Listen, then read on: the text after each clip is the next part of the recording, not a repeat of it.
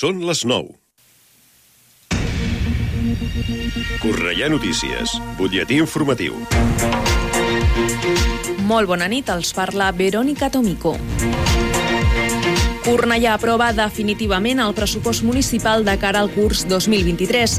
Durant la sessió plenària del mes de desembre, celebrada ahir, el consistori ha aprovat el Pla d'Acció per a l'Energia Sostenible i el Clima i el Pla d'Adaptació al Canvi Climàtic de Cornellà. El plenari municipal també ha aprofitat per sol·licitar una subvenció de 4 milions d'euros dels fons Next Generation per a crear un nou refugi climàtic a la ciutat. També s'ha aprovat la signatura d'un conveni de col·laboració amb la MB per a la cessió de la competència en la instal·lació de plaques fotovoltaiques a la coberta del pavelló esportiu de Sant Ildefons. Per últim, l'Ajuntament ha aprovat una moció per garantir l'estacionament de vehicles amb targetes d'aparcament per a persones amb discapacitat o diversitat funcional. La Fira Infantil de Nadal ja ha obert les seves portes. Novament, aquesta fira està ubicada al Parc Esportiu Llobregat fins al dia 31 de desembre. Com és habitual, aquest espai lúdic s'adreça a infants de 3 a 12 anys que poden gaudir d'un ampli ventall de propostes i de tallers, així com d'una exhibició de la unitat canina de la Guàrdia Urbana de Cornellà. Els educadors de carrer per a joves del barri de Sant Ildefons organitzen un torneig de futbol femení el dia 30 de desembre. La iniciativa neix arran de la demanda de les pròpies joves del barri. El torneig de futbol femení tindrà lloc al poliesportiu Sant Ildefons de 5 de la tarda a 7 del vespre. S'adreça a equips formats per 7 persones d'entre 12 i 16 anys. Poden inscriure's a través de l'Instagram arroba educasantildefons. Fins aquí aquest butlletí informatiu. Poden seguir informats de l'actualitat de la nostra ciutat al Cornellà Notícies de la una del migdia, als butlletins horaris i a l'app i la web de Ràdio Cornellà.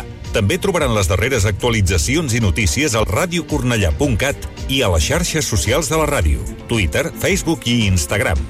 Ara el temps. Connectem amb l'Agència Estatal de Meteorologia. Bona nit.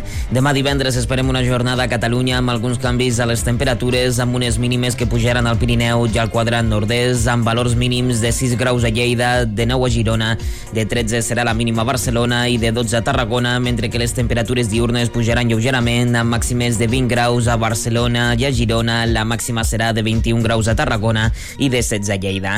Per a resta esperem un dia de cels poc ennubulats, amb intervals de núvols alts, temps estable en general, però tindrem núvols baixos i boires matinals a la depressió central que seran més extenses i persistents a les comarques del sud de Lleida. Per últim, se'n referim al vent, serà de la component oest de fluja moderat a la meitat sud amb alguns intervals moderats de vent del sud-oest al litoral central i a la resta el vent serà fluix i de direcció variable. És una informació de l'Agència Estatal de Meteorologia. L'informació de Cornellà. Més a prop, impossible. Ràdio Cornellà. 40 anys al teu costat. Bon vespre, són les 9 i un dijous més comença Atrapats a la Cultura.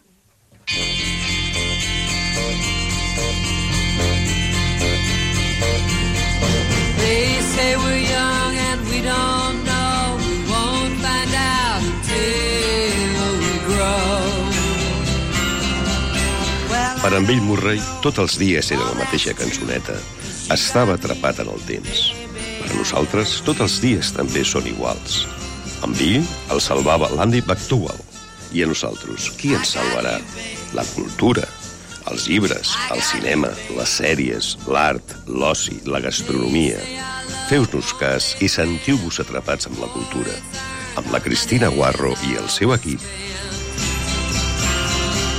I guess that's so we don't have a plot, but at least I'm sure of all the things we got. Babe, I got you, babe. I got you, babe. I got flowers in the spring. Benvolguts oients, avui, 22 de desembre, ha arribat el nostre últim programa d'aquest any 2022. Tornarem al gener ja, el 12 de gener, i us portem cosetes culturals, com sempre, com no podia ser d'una altra manera. Que sí que voldria, m'agradaria començar el programa d'avui recomanant- recomanant-vos un espectacle que torna als escenaris teatrals d'aquí de Barcelona, espectacle que es va poder veure ja fa eh, 3 i 4 temporades al lliure, i és un espectacle que ens parla del teatre com a forma de ser i de viure, amb uns juglars que són amics, que són família, que fan molta gràcia i emocionen moltíssim. Estem parlant de Travi, aquest espectacle del, de la ment de l'Oriol Pla Solina, que acompanya, és acompanyat a l'escenari pels seus pares, la, Lúnia, la Núria Solina, el Quimet Pla i la seva germana Diana Pla, i que ara podreu veure aquests dies de Nadal a la, a la Sala B, que és un muntatge preciós, emocionant i molt important perquè, a banda de parlar del teatre des del teatre, parla també i sobretot de la vida i de les relacions humanes. De veritat, si no vau tenir ocasió de veure aquest preciós espectacle, eh, aneu a la sala Beckett i gaudiu-ne perquè és, és de les millors cosetes que han passat pels escenaris barcelorins dels últims anys. I comencem amb l'agenda cultural de, de casa nostra pels últims dies.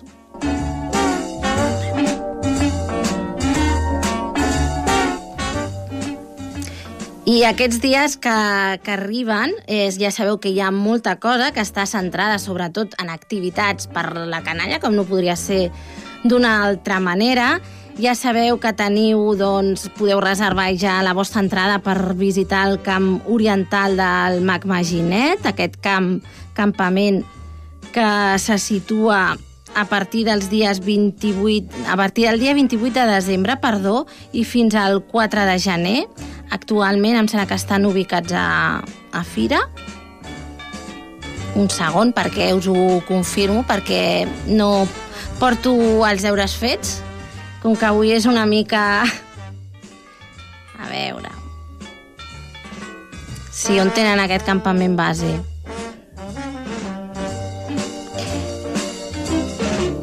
Pues sí, efectivament, és a la Fira de Cornellà, eh? com, com l'any passat. Eh, acosteu-vos després. Tenim una activitat superinteressant que ens planteja la següent pregunta. Què està passant a la Torre de la Miranda? I és que a desembre ja sabeu que és un mes amb molta feina pel MAC Maginet i pels seus ajudants i aquests dies han de preparar el campament oriental del qual us hem parlat fa res, un minutet. Doncs fer el seguiment de ses majestats fins a la nostra ciutat i han de concretar la festa d'arribada amb el CEO Gaspar i Baltasar, que serà el 5 de gener que en Ràdio Cornellà ja sabeu que retransmet com cada any. Per tant, no és complicat imaginar-se els nervis el dels control que tindrà el seu laboratori situat a la Torre de la Miranda. O sigui que a la Torre de la Miranda és on hi ha el laboratori del Mac Maginet. Podeu anar-hi per tafanejar una mica i aneu a mirar, a veure què passa a la nostra torre, que és un dels emblemes i de, dels edificis més reconeguts d'aquí de, de Cornellà. I podeu anar a partir del 23 de desembre, o sigui, això serà a partir de demà i fins al 6 de gener durant els vespres, perquè quan la ciutat s'enfosqueix i eh, va arribant la nit, es detecten llums i moviments dins de la Torre de la Miranda que deuen fer el Mac Maginet, el Melquiades, el Bernadet i la Fada Ondina. Doncs acosteu-vos-hi i ho sabreu, potser, mira, us endueu, us emporteu una sorpresa. He dit que no hi havia gaire cosa, com sempre, seguiu a xarxes al, a l'Instagram el que fe a Cornellà, també teniu a través de la- l'agenda cultural que publica l'Ajuntament de Cornellà a través del seu web. I ara del que sí que us volia parlar és que una vegada més torna l'edició d'aquesta exposició que fan al Castell de Cornellà, el grup de pintors de Cornellà fins al 29 de gener. I nosaltres el que farem, perquè en sabeu una miqueta més, recuperarem una entrevista que va fer la nostra companya dels informatius, la Vero Tomico, una entrevista que va fer el Ricard Vallès, que és president del grup de pintors de Cornellà, i la Pilar Ruiz, que n'és la presidenta en funcions. Endavant amb l'entrevista. Cornellà viu aquesta tarda un dels esdeveniments més esperats de l'any, sobretot quan arriben les èpoques nadalenques, perquè hem de dir que la inauguració de la mostra del grup de pintors de Cornellà és un dels esdeveniments claus al calendari al mes de desembre. Arribem a la 27a mostra, no, perdó, a la 17a mostra del grup de pintors de Cornellà. Expliquem una miqueta, per la gent que encara no conegui, que crec que serà poca doncs, aquesta, aquesta cita, expliquem en què consisteix aquesta proposta artística. Eh, bueno, ¿quieres hablar tú, Ricardo? Eh, pues una propuesta, pu- pues es mostrar eh, al público en general, a la gente, eh, la capacidad artística que tenemos el, grupo de pintores, ¿no? Bueno, que existe en Cornellá, porque somos de Cornellá. Eh, mostrar eso, eh, las obras tan bonitas que hay, son más, son casi 60 obras, o se- 60 cuadros, y este y son eh, muy mm, no son del mismo estilo. O sea hay podemos encontrar diferentes estilos. Eh, no sé podemos eh, desde el impresionismo pasar desde el impresionismo a la abstracción al fobismo porque hay unos pintores que este, manejan muy bien el color. El color es lo más importante en su obra no y no sé, hay una variedad muy grande de estilos. También está el realismo, hay varios pintores que son intentan ser hiperrealistas. Yo soy una de ellas. y este y, y no sé, es una exposición muy bonita, hay cuadros muy bonitos y que les eh, animo a la gente, a toda la gente de Cornellá que vaya a la exposición porque se van a quedar muy contentos con lo que van a ver. Clar, comentaves que és una, un recull de 60 obres Sí. d'artistes de Cornellà que donen a conèixer el talent que hi ha a Cornellà i sobretot la diversitat, perquè cada un dels artistes té com el seu segell particular, no? més personal, fan servir tècniques i, i, i estils molt diferents. Ricard, què ens pots dir d'això? Ah, què vols que et digui? A veure, podríem parlar, per exemple, de la diversitat, per exemple, però eh, d'entrada el que voldria dir-vos és que és un goig poder fer aquest tipus d'activitat perquè normalment tots aquests pintors, bàsicament tots, som amateurs, no? I llavors alguns d'ells, o molts d'ells, són autodidactes, vull dir, que han nascut a Cornellà o que han viscut a Cornellà i que han desenvolupat aquesta activitat artística com s'hagués pogut fer una altra, però és aquesta. Uh, lògicament, uh, el, el treball d'autor mm, autodidacta ens porta molt sovintment a crear una forma molt particular de plantejar la pintura. Uh -huh. Al llarg dels anys la gent va transformant-se. Eh? Jo, per exemple, vaig començar amb un, un realisme molt gran i avui dia estic vivint ja dintre dels meus 75 anys dintre d'un món abstracte que eh, crec que és molt important.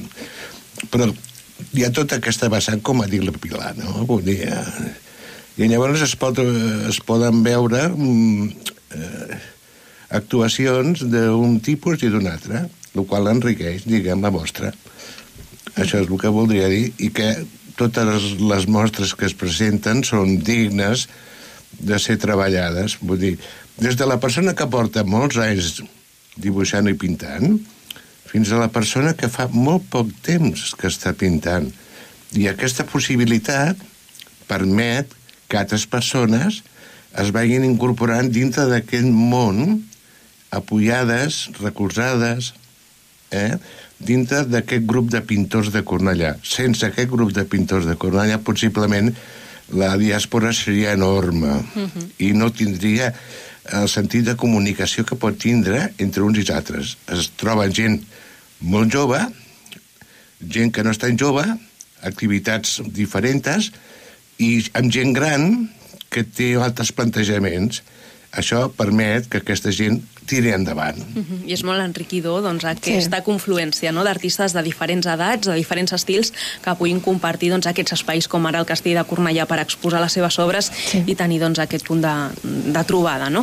Uh, parlàvem que la majoria dels autors que formeu part del grup de pintors de Cornellà sou amateurs, per tant, hem de reconèixer també la dedicació i les ganes de continuar aprenent i fent art eh, doncs, de forma doncs, no professional, però que parla Ah, molt no? de, sí. de la, les ganes i també de, del talent que moltes vegades hem de dir que el món de l'art eh, està molt Mhm. menys tingut i, i, i no es reconeix prou no? el, la tasca que n'hi ha al darrere i, Sí. i, Sí, és Que- com totes les activitats, diguem, populars, podríem dir.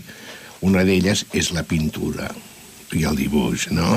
Eh, però tenim, a Cornellà tenim infinitat, per exemple, de pintors, eh?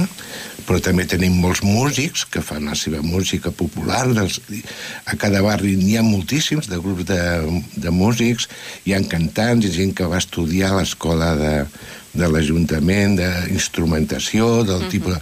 Totes aquestes persones seran les que donaran un suport a la llarga, si és que el donen, d'un un nivell cultural que permeti a la ciutat arribi a aconseguir uns nivells, diguem, de cultura més elevats. Perquè la cultura professional, d'una manera o altra, eh, no ha, és, és elitista sense voler-ho, m'entens? Uh -huh. En canvi, la cultura que surt amateur de la gent que viu en aquests pobles permet que aquestes ciutats o pobles puguin desenvolupar un nivell més elevat de cultura pròpia interior del poble. Sí, sí. Este, eh, la profesionalidad con este el ser amateur, eh, bueno, no, no hace que sea peor uno que el otro, sino todo lo contrario. Porque el artista que es amateur es alguien que lo siente, que ya lo, que lo vive, que lo trae desde siempre. Entonces, si tiene la oportunidad de desarrollarlo, es, es- está muy bien, o sea, puede hacer cosas magníficas. Aunque no esté valorado como un profesional, ¿no? Puedes incluso estar mucho mejor que a uno que se le dice que es un profesional y que cobra mucho por un cuadro, ¿no? O sea, o sea, el arte es algo que se lleva dentro y que nace contigo. Si lo desarrollas, si lo desarrollas y lo practicas, logras algo. Si lo- te lo guardas, si no lo pones en, en práctica, es cuando se queda ahí dormido, ¿no? Pero que un pintor amateur es, este es bueno, es muy bueno también. Per exemple, hi ha una cosa molt important, i és que el fet de que aquestes, aquests actors, aquests pintors de, de Cornellà puguin exposar en un lloc tan, tan Això sí. distingit Emblemàtic. Mhm. com, i emblemàtic, exacte, com és el castell de Cornellà, doncs in, enriqueix, diguem, el concepte d'ells mateixos, de saber que no són persones abandonades al carrer, sinó que poden tindre accés a la seva exhibició sense aquesta ajuda de l'Ajuntament, Sí, no, gracias. no podríem tindre aquest, aquest llançament, diguem, de gent que, que, que veu la seva obra com important ja, encara que cadascú té el seu nivell. Clar. Sí, sí, hay que dar gracias al ayuntamiento por esto que hace, eso sí, ¿eh? Es un lugar muy bonito el castillo y se preocupa por su gente. Parlàvem abans de la importància també de que es generin aquests grups de- d'artistes com el grup de pintors de Cornellà, 25 anys de l'agrupació, Sí, sí. que han permès doncs, fer aquest tipus d'activitats, aquest tipus d'exposicions obertes a la ciutadania per donar a conèixer el talent que n'hi ha i també doncs, aquest suport mutu, no? entenem, entre uns artistes i els altres. Sí, sí. Que la fundadora del grupo, los fundadores, la fundadora fue Lidia Dagá, luego estuvo también eh, Elisa, eh, Almón. continuó Almón, eh, no sé, también estaba, también estuvo Flores, que también estuvo varios años de presidente, Sí, Josep Antoni Flores. També. José Antonio Flores, eh, Ricard, Bueno, de, han anat apareixent èpoques, no? Jo ara, per exemple, li passo la, res, la responsabilitat a la Pilar Ruiz, perquè jo ja tinc una edat que em tinc que retirar una mica i deixar que les persones més joves vagin adquirint unes certes responsabilitats. De fet, ho fa perfectament. Eh? Bueno, gracias. Doncs a- aquest traspàs de responsabilitat serà oficial avui, aquesta tarda a partir de les 8, amb aquesta inauguració. Recordem de la 17a mostra del grup de pintors de Cornellà que es podrà veure al castell. Encoratgem a tothom que vagi avui a la inauguració, però Sí. recordem que fins al 29 de gener tenim temps per anar a gaudir, passar una sí. molt bona estona allà mm, veient el talent que comentàvem a principi de l'entrevista que tenen els pintors de, de la nostra ciutat. Encoratgem a tothom que s'animi i Sí. vagi a gaudir-la, no? Jo, de totes maneres, voldria fer un afegit petit, i és que faria una proclama als mestres d'infantil i de i de- i d'edats mitjanes que no arriben, o d'ESO, per exemple, per portar-los a veure l'exposició, per poder-la comentar. Sí. I d'aquesta manera tindre a la gent més més petita, o, bueno, petita... Els infants a la ciutat, no? Infants i adolescents puguin accedir a això a través dels seus ma- mateixos propis responsables, tutors de les seves aules, perquè passin a vos. Això seria bo que Ràdio Cornellà ho propagués, diguem, als, als centres educatius de Cornellà i instituts per poder visitar aquesta mostra. Doncs clar que sí, encoratgem des d'aquí, des de Ràdio Cornellà, tota la ciutadania, però especialment si alguna escola o institut ens està escoltant, que tinguin aquesta oportunitat d'anar a gaudir també la mostra, que és totalment gratuïta, que la tenim al castell, sí. i la podem veure de dilluns a divendres de 10 del matí a 2 de la tarda i de 5 de la tarda a 8 del vespre, i els diumenges i festius de 10 del matí també a 2 de la tarda. Per què no? Per incentivar a, uh -huh. aquest interès, aquest esperit pel món artístic a- entre els més joves. Sí, sí. I qui sap, possiblement en un futur tinguem un nou pintor, una nova pintora al grup de pintors d'aquí de Sí. Cornellà. Sí. Estaría muy bien. Una pequeña cosita nada más. Tendremos música, ¿eh? Habrá un, hay un músico, un guitarrista, Víctor, ay no me acuerdo del apellido, por Dios, pero que estará ahí también este, animando eh, un poquito la inauguración. Molt bé, doncs queda dit. Recordem, avui a les, 10, a les 8 del vespre tenim aquesta inauguració de la mostra del grup de pintors de Cornellà. Avui hem d'agrair-li a la Pilar Ruiz, presidenta en funcions En de funciones, moment, de moment. fins aquesta nit, Sí, todavía está ahí, Ricardo. i el Ricard Vallès, president fins aquesta nit del grup de pintors de Cornellà. Gràcies. Bé. A Gràcies a vosotros. vosaltres, eh? Sí, gracias a vosotros. Tenim Estàs escoltant Atrapats amb la cultura.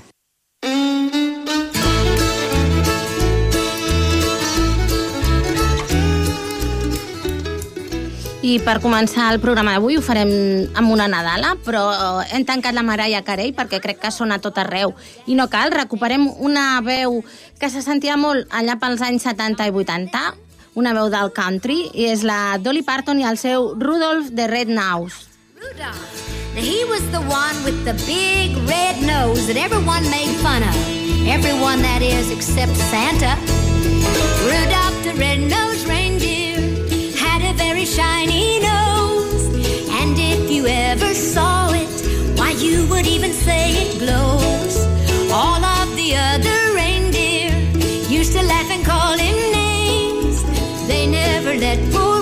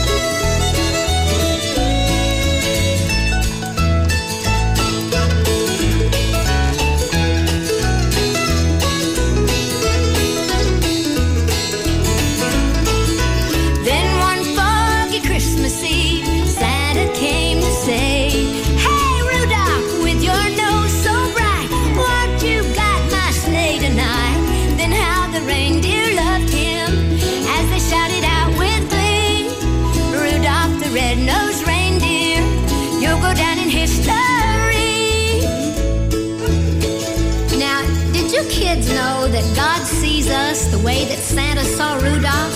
He sees the true beauty and knows the great potential in each and every one of us. And that's how we should look at each other through the eyes of love.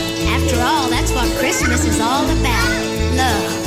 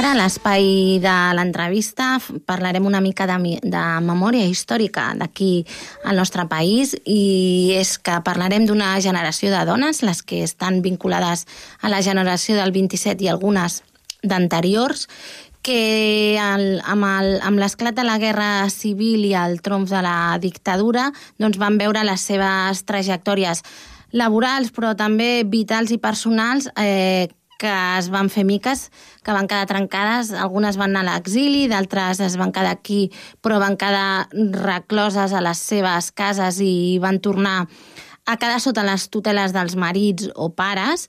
I ara, tot seguit, doncs, a l'espai de l'entrevista, eh, entrevistarem la Laura Ochman. Ella és una guionista i directora de cinema documental eh, andalusa que ens ha presentat aquests dies a les Mujeres d'Espanya Maria Lejàrrega. Endavant la cinto de l'entrevista i prepareu-vos perquè ve una xerrada molt i molt interessant de la qual hem de reflexionar.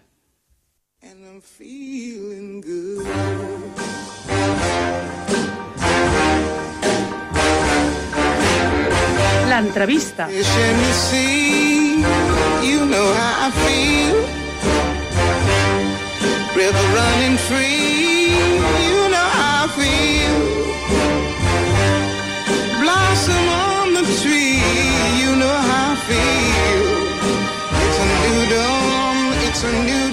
Hace unos días pudimos ver a través de este programa Imprescindibles de la 2 a las mujeres de España, María Lejárrega, eh, dirigido y guionizado por Laura Hockman, que hoy nos acompaña. Hola, Laura.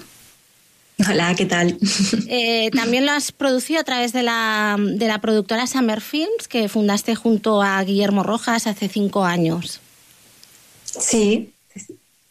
Y bueno, eh, recordar a nuestros oyentes que este documental aún se puede visionar a través de Radio Televisión Española La Carta hasta el 26 de diciembre y desde aquí, desde nuestro programa Atrapados en la Cultura, les recomendamos que, que así lo hagan. Eh, tu obra, no sé cómo concibes el cine, mm, quizá como bueno, una herramienta de, cambio social y de compromiso político y un poco la necesidad de incorporar a las mujeres invisibilizadas de nuestra historia oficial, porque de hecho el título eh, incluye la vida de María Lejárrega, pero ella es el hilo conductor, porque como bien muestras en el título del documental es a las mujeres de España y hablas de toda una generación de, mujeres brillantes a la que la dictadura eh, las devolvió un poco o, o, enclaustró, en cierto modo. Sí, totalmente. Yo tenía esto muy claro desde el principio, ¿no? No quería quedarme solo en una biografía de María Lejárraga, que sería muy interesante porque ella tiene una vida absolutamente eh, apasionante, sino que quería que hablara de todas, porque yo creo que María Lejárraga es el ejemplo perfecto ¿no? de la invisibilización que ha caído sobre las mujeres. Y mmm, es, es, un ejemplo como muy claro, ¿no? Es decir, si, si, a una mujer como esta, que estuvo en todos los ámbitos de nuestra sociedad, en la creación, en la literatura, pero también en la política, en los movimientos sociales, en el feminismo, eh, en la música, si se la invisibilizó, si se la ocultó, que no pasó con las demás ¿no? Y, que, y que no nos sigue pasando. Entonces, bueno, sí que eh, tomé el título de estas cartas a las mujeres de España, que es su ensayo feminista, donde ella le hablaba a las mujeres y, y quise que fuera un documental que hablara de todas, de nuestra memoria como mujeres, de nuestra memoria histórica, de nuestro relato, eh, pero también del presente, de las cosas que nos siguen pasando, ¿no? Porque yo me siento muy, muy identificada con muchas cosas. Me siento muy identificada cuando no se me toma en serio, uh, cuando no se me escucha igual que a mis compañeros hombres. Entonces, bueno, pues esto, todo esto quería que estuviera ahí en el documental. ¿Tú cómo, cómo o cuándo descubres a la figura de María, de María Lejárrega? Pues la descubro hace relativamente poquito tiempo, hace unos años de manos de Antonina Rodrigo, que es una mujer que ha hecho un trabajo fantástico de recuperación de esta memoria histórica de las mujeres.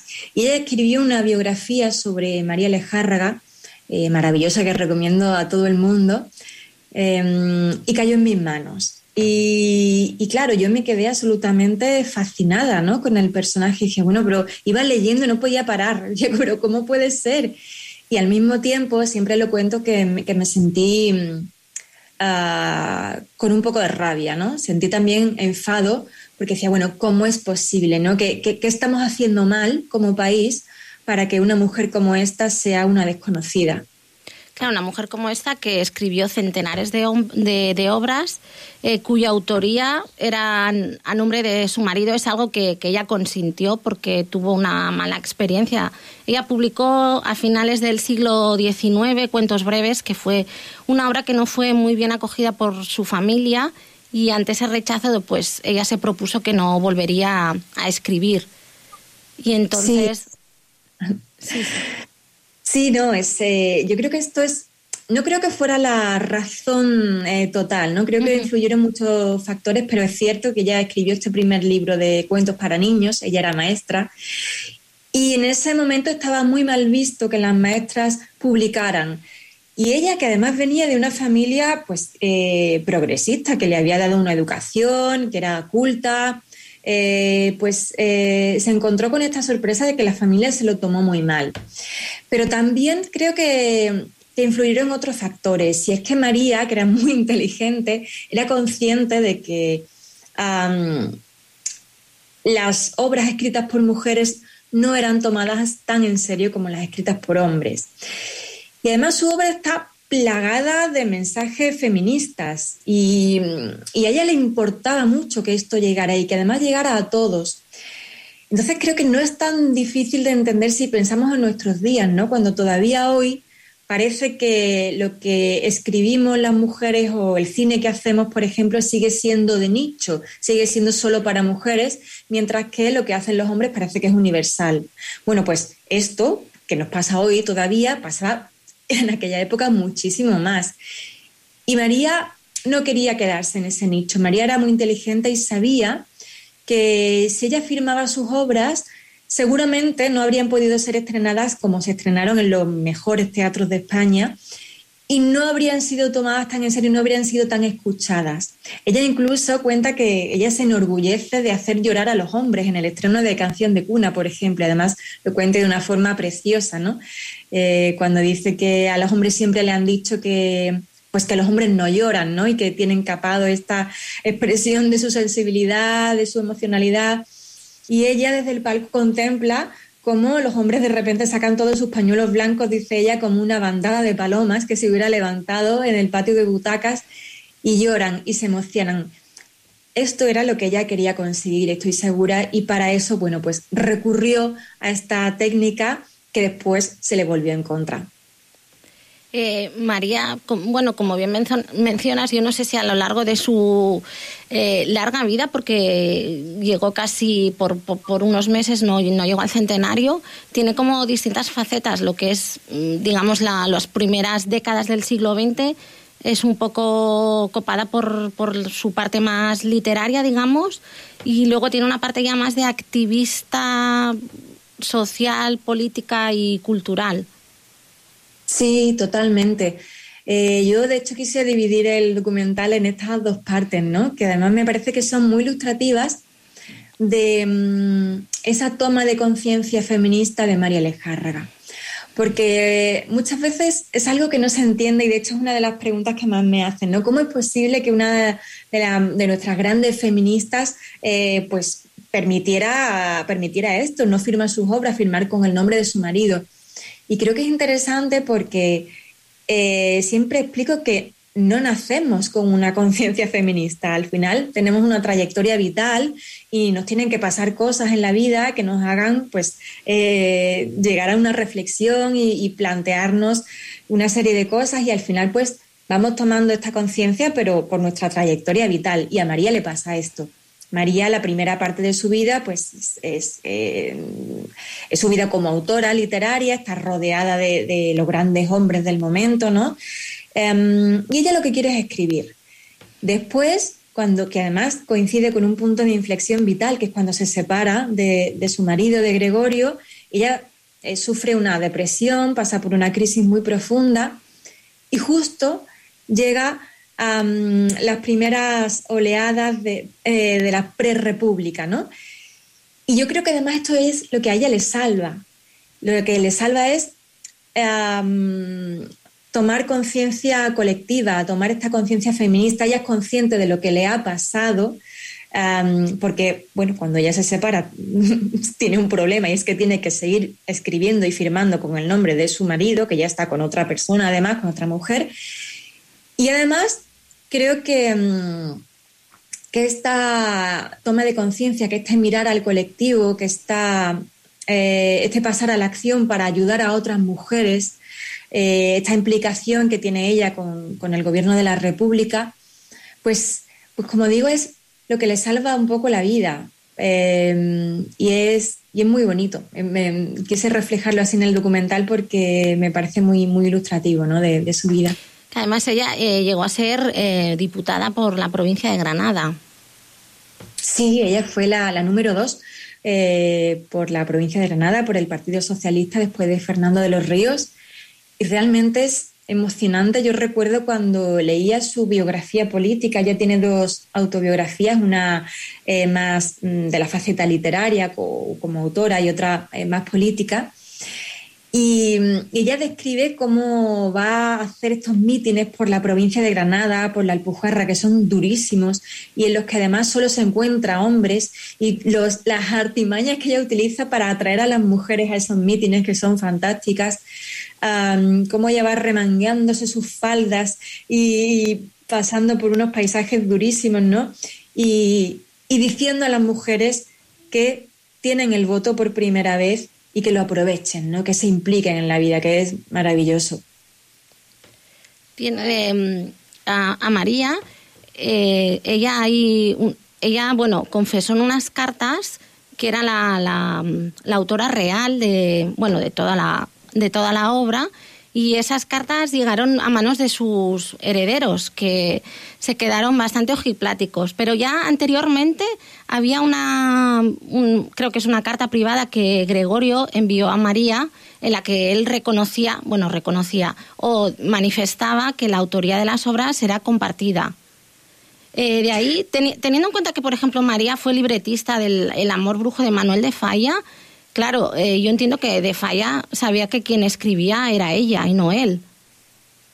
Sí, a ver, esto era un, en el mundo literario era un secreto a voces. Eh, eh, todo el mundo sabía que era María la que escribía. Todo el mundo, hablo siempre dentro de un contexto, Sí. ¿no? Eh, Del entorno. literario, teatral. Eh, porque ella además no escribía a escondidas. Ella cuando se iba, cuando escribía los libretos para Falla y para Turina, pues se iban de viaje juntos, escribían ahí mano a mano, incluso ella participaba muchas veces en la orquestación.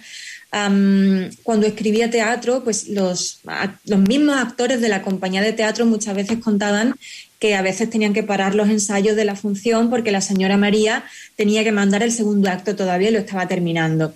Es decir, se sabía. Ah, otra cosa ya es, bueno, pues cuando pasan los años, cuando ya Gregorio muere y ella se declara en sus memorias como coautora, ni siquiera como autora to- total, porque ella siempre, a pesar de lo que había pasado entre ellos, ella quería mucho a Gregorio, nunca quiso hacerle daño y decir que ella la- era la autora total era destruirle. Em, pues nadie la cree en España y además eh, salen titulares horribles insultándola, desprestigiándola y, y bueno, pues hasta nuestros días que parece que... Bueno, que nadie la cree porque supongo que también le ocurre que varios de sus coetáneos ya no están con vida, que quizá podrían afirmar que sí, que está en lo cierto, María. Sí, exactamente. Sí que, sí que hay algunos que eh, eh, lo publican incluso en algunos periódicos diciendo, a, ver, esto sí, todo el mundo lo sabía, eh, pero son muy pocas voces realmente. Algunos además ya están en, el exilio también y, bueno, es complicado. Mm. Has hecho mención antes a este Cartas a las Mujeres de España. que ¿Qué es lo que te... mm, Bueno, has dicho que es una obra importantísima y bastante a la vanguardia. ¿Qué es lo que más te impactó? O... Porque además eh, es una obra que se adelanta unos cuantos años a lo que Virginia Woolf escribió en, en una habitación propia, que un poco van por la misma línea.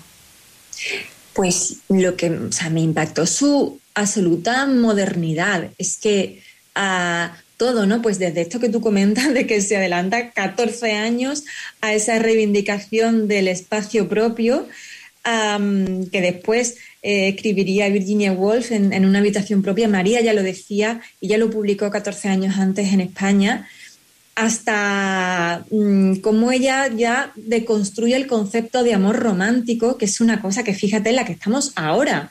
Pues ella ya lo hacía, ¿no? Ya le decía a las mujeres, señoras, no, no, no depositen toda su felicidad en el amor. Hay que tener estudios, hay que tener amigos, hay que crear. Eh, ella también hacía una cosa que a mí me encanta y que también me parece modernísima, que es una reivindicación del derecho a la diversión y a la alegría. Decía que una mujer que siempre está trabajando, que siempre está triste, no puede ser una mujer sana. Entonces animaba a las mujeres a, a reunirse, a crear estos clubs donde pudieran tener un lugar para ellas, para hablar, para divertirse. Eh, es decir, es de una modernidad, porque son todos temas en los que nos estamos trabajando ahora, ¿no? Que han tenido que pasar, pues... Sí, que igual ahora no nos sorprenden, pero cuando miras la fecha de publicación dices, madre mía. Claro, claro, o desde el propio concepto de feminismo, ¿no? Que ya da una, una mm, definición absolutamente clara. Eh, y sin embargo, todavía hoy tenemos que estar explicando que feminismo no es lo contrario de machismo, que esto es que tan cansado. Pues esta mujer desde 1907 ya lo explicaba clarísimamente y daba una definición perfecta. ¿Y cuáles consideras que son los mayores logros de Lejarrega y todos, todas sus compañeras? Porque ya, por mencionar solo algunos, algunos nombres de compañeras de generación, claro, está también Elena Fortún, eh, bueno, Maruja Mayo, eh, Luisa Carnés, Zenobia Camprubí, bueno, Clara Campoamor, Victoria Ken, que son muchísimas, muchísimas. Es una generación absolutamente extraordinaria de mujeres pues que, eh, que, sembraron la semilla de la dignidad femenina, que llevaron al Congreso leyes absolutamente modernas que estamos empezando ahora a discutir, como puede ser una ley del aborto, como puede ser una eh, ley de la abolición de la prostitución. Es decir, son temas que estamos eh, en los que estamos ahora eh, que estamos volviendo a ellos ahora, ¿no? Pero estas mujeres ya consiguieron llevar esas leyes al Congreso y, y, bueno, pues me parece de una modernidad en ese sentido, pues por ejemplo, hablando de la ley del aborto, la que llevó a cabo Federica Monseni, es que fueron una generación de mujeres, como decía, absolutamente extraordinarias, avanzadas, que estaban llevando al país a un lugar uh, luminoso, moderno, abierto, feminista y que por desgracia eh, todo aquello quedó frustrado, decapitado, como digo en el documental, y, escondido. Y el documental eh, finaliza con una frase de Julia Conesa, que es una de las trece rosas, estas chicas asesinadas en el verano del 39 por la, dictadura, que es que mi nombre no se borre de la historia. Justo, sí, sí, yo... Siempre lo tuve en mente esa frase, ¿no? Porque me, parecía tan emocionante, tan clara, tan rotunda y que expresa tan bien, además, uh, el sentido por el que hice el documental, ¿no? Y, creo que el sentir de todas estas mujeres, creo que es algo que es terrible que quedara tantísimos años olvidado, sepultado. Uh, y creo que, que nos lo debemos, iba a decir se lo debemos a ella, pero nos lo debemos todos como sociedad, ¿no? Recuperar a estas mujeres, reivindicarlas. Uh, yo no paro de pedir, por favor, eh, que la historia oficial por fin las reconozca. Y cuando digo historia oficial, hablo de eh, planes educativos, libros de texto, por favor. Estas mujeres tienen que estar en la historia oficial y, y es lo que digo, nos lo debemos todos como sociedad. Bueno, es que ya esto recuerdo de haber leído el libro, es que cuando hablan de María Teresa León era la mujer de Alberti. Y claro, solo figuraba para eso. Claro, la mujer de, ¿no? De hecho, es que es, pasa lo mismo que pasaba en aquella época, porque a ellas cuando fundan el Liceo Club, donde está María Teresa León, donde está Zenobia Camprubí, llamaban el Club de las Maridas, ¿no? Porque todos solo eran mujeres de... Y es que todavía estamos en eso. Yo siempre recuerdo cuando estaba en el colegio, pues se estudiaba Juan Ramón Jiménez y Zenobia Camprubí porque era su mujer. Pero es que, oiga, Zenobia Camprubí tenía una carrera absolutamente fantástica, era una mujer brillante, traductora, eh, y, y María Teresa León también, además, era una mujer que escribía, tiene una obra bueno, magnífica. Yo recomiendo a todo el mundo que, que, las lean. Y de María Teresa León estaba recordando, por ejemplo, su Memoria de la Melancolía, que es su, su biografía, mm. que es maravillosa. Es decir, eh, ya está bien, ¿no? Yo creo que, que, ya, que, estamos en un momento de decir, ya está bien, eh, de llamarnos mujeres, de, de invisibilizarnos. Oiga, no, hemos jugado un papel importante en la historia. Sí, que además gran parte de este rescate es el que está haciendo la editorial Renacimiento, que creo que es una editorial andaluza. Sí, totalmente. Es una editorial de, de aquí, de Sevillana, y, y está haciendo una labor desde hace muchos años absolutamente eh, magnífica de recuperar todas las obras de estas mujeres. eh, bueno, pues publican a, a todas, yo que sé, a Concha Méndez, a Elena Fortún, a Mariluz Morales.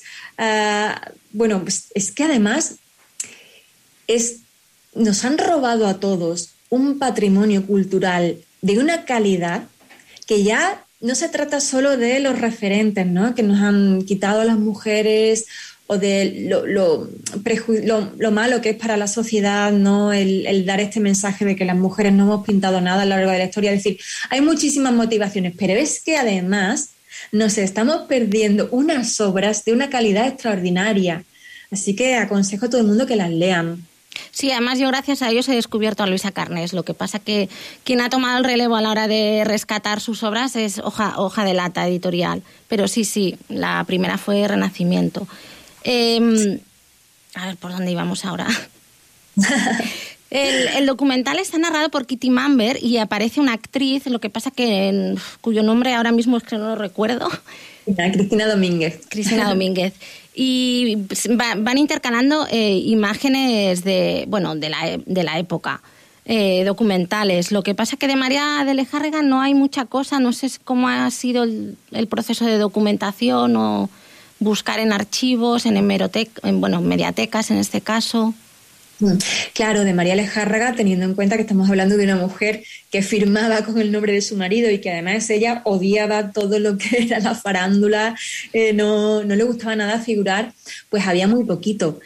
Sí que he tenido la suerte de contar con el archivo personal eh, que conservan eh, sus herederos y, mm, y bueno, contar con fotografías, con documentos y además con su propia máquina de escribir, que es la que sale en el documental, que es una cosa que me hace mucha ilusión. Pero es cierto que eh, fue un proceso de documentación muy, muy, muy complicado. No solo el, del, el de encontrar em, eh, archivo de María, sino el de muchas mujeres, porque yo quería que el, bueno, que digamos que el documental no se quedara solo en la historia de María, sino que hablara un poco de todas y me fue muy difícil. Yo quería encontrar eh, fotografías, imágenes de mujeres que estuvieran trabajando, que estuvieran en una situación activa, ¿no?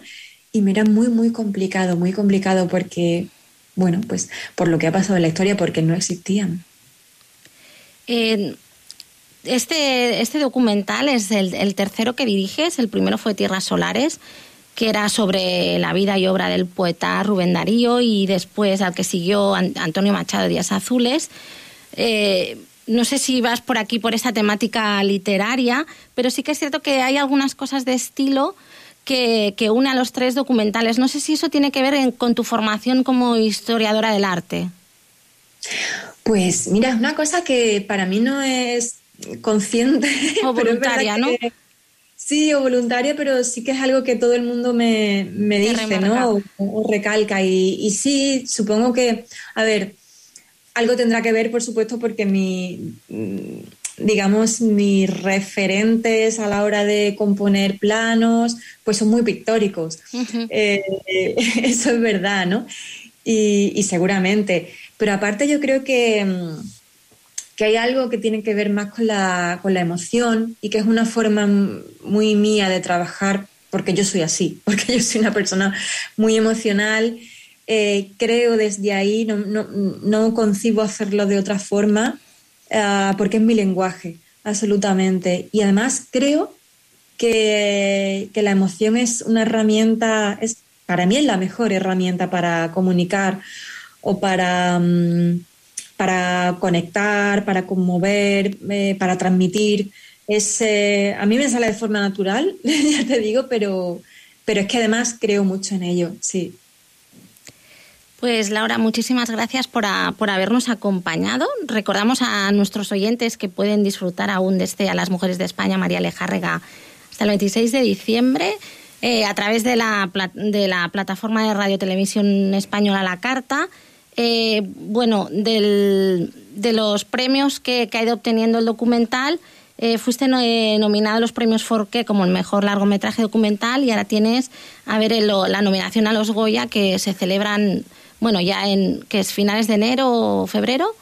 Los Goya son el, eh, si no me equivoco, el 12 de febrero. Vale. Y antes están los Feroz. Los Feroz. que también estamos. También. Mm. Perfecto, pues muchísimas gracias y suerte. Muchas gracias a ti. Un beso. Un beso. Queda't atrapat amb la cultura. Santa Claus got stuck in the chimney. Boo, boo, poor me. I aquesta Nadal és cortesia del nostre tècnic, Marc Fort, que aquesta temporada no ha parlat gaire, o sigui que, que expliqui quatre cosetes i ens posi en context de què estem escoltant ara. Bé, bueno, doncs uh, és una cançó de, que canta Ella Fitzgerald, una de les grans veus del jazz del segle XX. Es diu Santa Claus Got Stuck in My Chimney. Està bé. És, a mi m'agrada perquè és divertida, bàsicament perquè diu que Santa Claus es va quedar atrap, enganxat a la, a la xamaneia i, i que aquest any no vol tornar. Bé, és una cançó su- una mica subversiva. M'encanta, m'agrada, m'agrada. Sentim-la. There he was in the middle of the chimney, not quite up and not quite down. Santa, please come back to my chimney, back to my chimney, back to my chimney. Santa, please come back to my chimney. You can come back here. Cause Daddy made a brand new chimney just for you this year.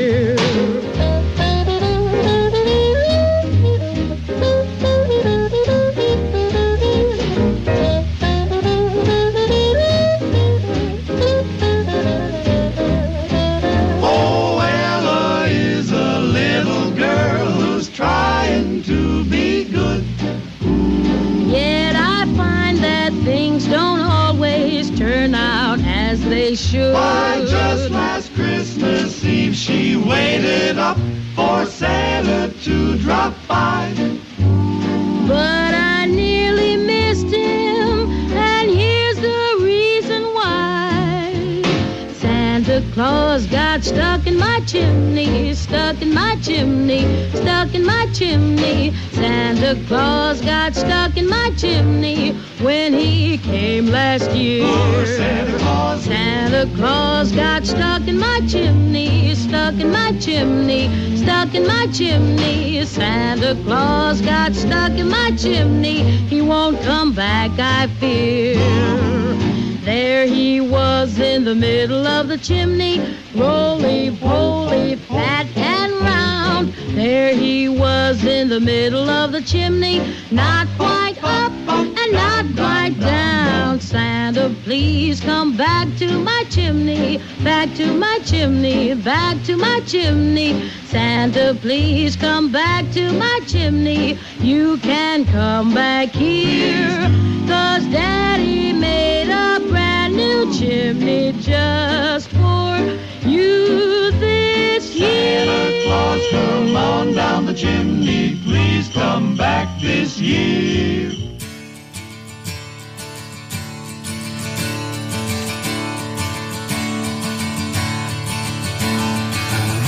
És Nadal un altre cop, però aquest cop sembla diferent. I donem festa al Paulo Conte, li hem dit, va, torna tant cap a Itàlia a celebrar les festes eh, i continuem amb una Nadala més per tancar el programa d'avui. És, és la cançó És Nadal, de Glaux i l'Axambusto, que serà la nostra, la nostra quota de Nadales en català. Eh, que tingueu un bon Nadal, que comenceu l'any amb bon peu, regaleu moltíssima cultura i tornem el 12 de gener. A reveure! Diners, de menjar torrons, de fer-nos regals i cantar cançons. També és amor i amistat, pau i dolor,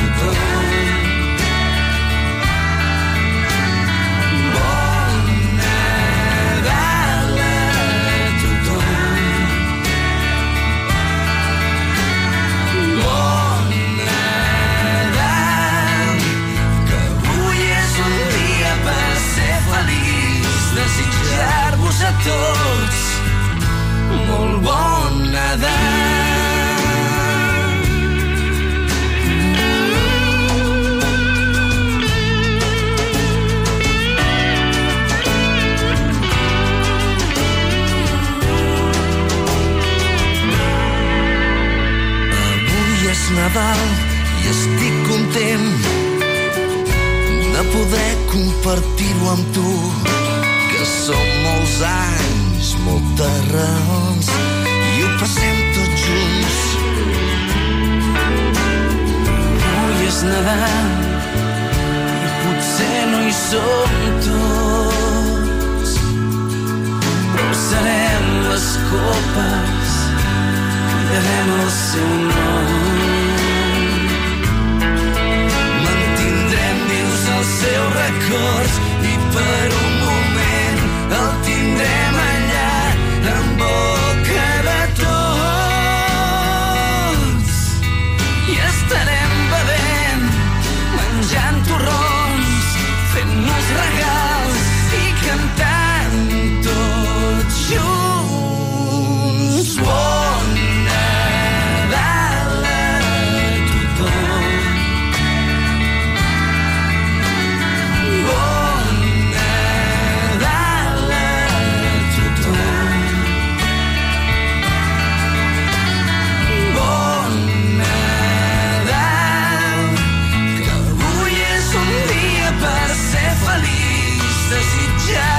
tots. Molt bon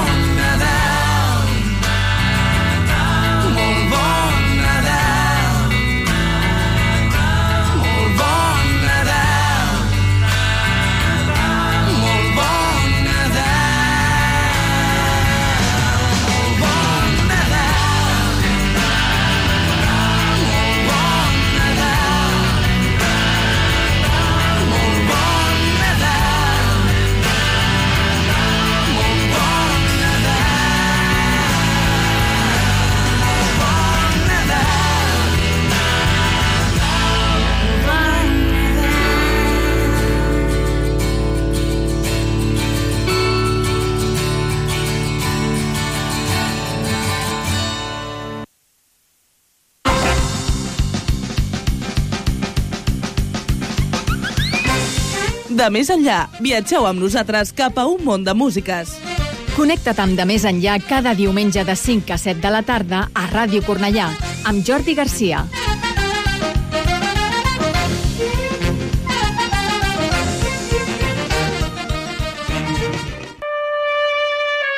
Eh, us faré una oferta que no podeu rebutjar.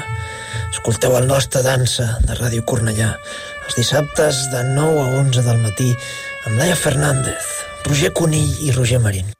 Home, padrí, volíem guanyar audiència, però no sé si aquesta és la manera. Escolteu la nostra dansa dissabtes de 9 a 11. Capisci?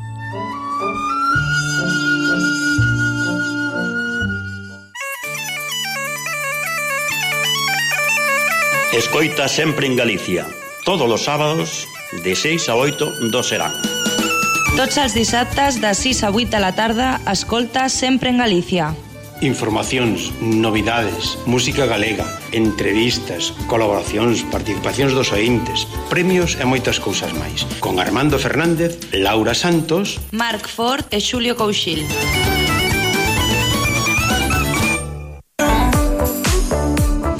Jordi Évole, periodista. Jo vaig fer coses a Ràdio Cornellà que no m'hagués imaginat mai que faria, des de retransmetre una cavalcada de Reis fins a retransmetre un partit de bàsquet. La ràdio local és la gran escola de, de tots els que volen fer alguna el món de la comunicació. Doncs allà et serveix per formar-te, per foguejar-te, per fer 40.000 coses que et curteixen molt i t'ajuden moltíssim després. Ràdio Cornellà, 40 aniversari, orgull de ciutat. Ràdio Cornellà, 40 anys al teu costat. Això és un número 1. Sebastián Yatra, TV. Cómo hablarte y hacerte sentir diferente.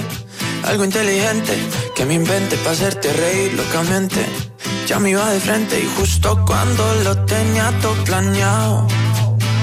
Te acercaste y me dejaste callado, enamorado.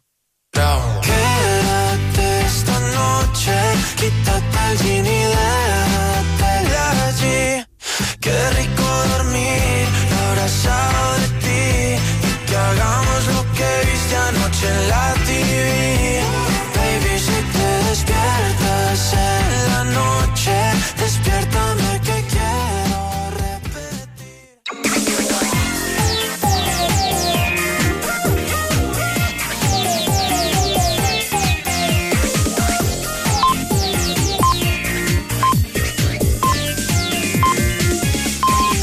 Són les 10.